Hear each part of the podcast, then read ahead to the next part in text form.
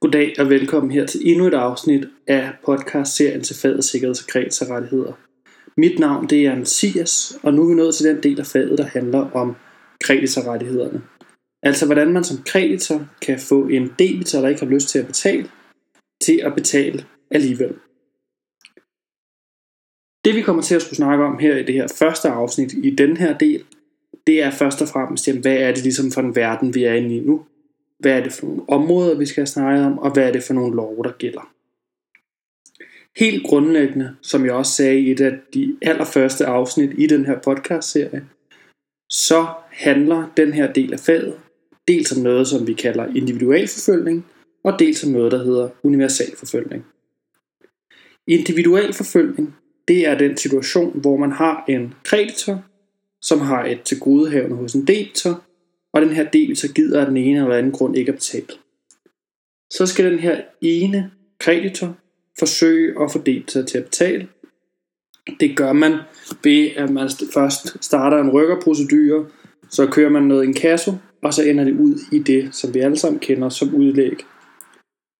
Den her del af faget omhandler den sådan mere materielle del af udlæg, hvor den del om udlæg, som vi har snakket om i den anden del af faget, mere var udlægget som en plads i en prioritetsorden, end det var en det er altså de materielle regler om, hvornår man kan få udlæg, og hvad der skal til, for at man kan få udlæg. Men det er altså det, det handler om i den her del af faget. I forhold til spørgsmålet om, om man kan få udlæg, der er den væsentlige lov retsplejelov. Så derfor, når vi kommer til at snakke om udlæg i det næste afsnit, så bliver der i høj grad henvist til retsplejelov.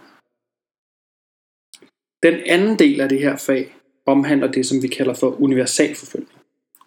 Universalforfølgning det er en situation, hvor der er flere kreditorer, som alle sammen på samme tid gør deres krav gældende mod en enkelt debitor. Det er eksempelvis tilfældet i en konkurs, hvor man har en lang række kreditorer, der stiller sig op i kø og prøver at få nogle penge ud af debitor. Det samme er tilfældet i en rekonstruktion eller i en gældsaneringssag. Alle de her områder, der er den væsentlige lov konkursloven, som er en lang lov, men som man ligesom kan dele op i nogle forskellige dele, og der kommer vi til at tage de enkelte emner hver for sig.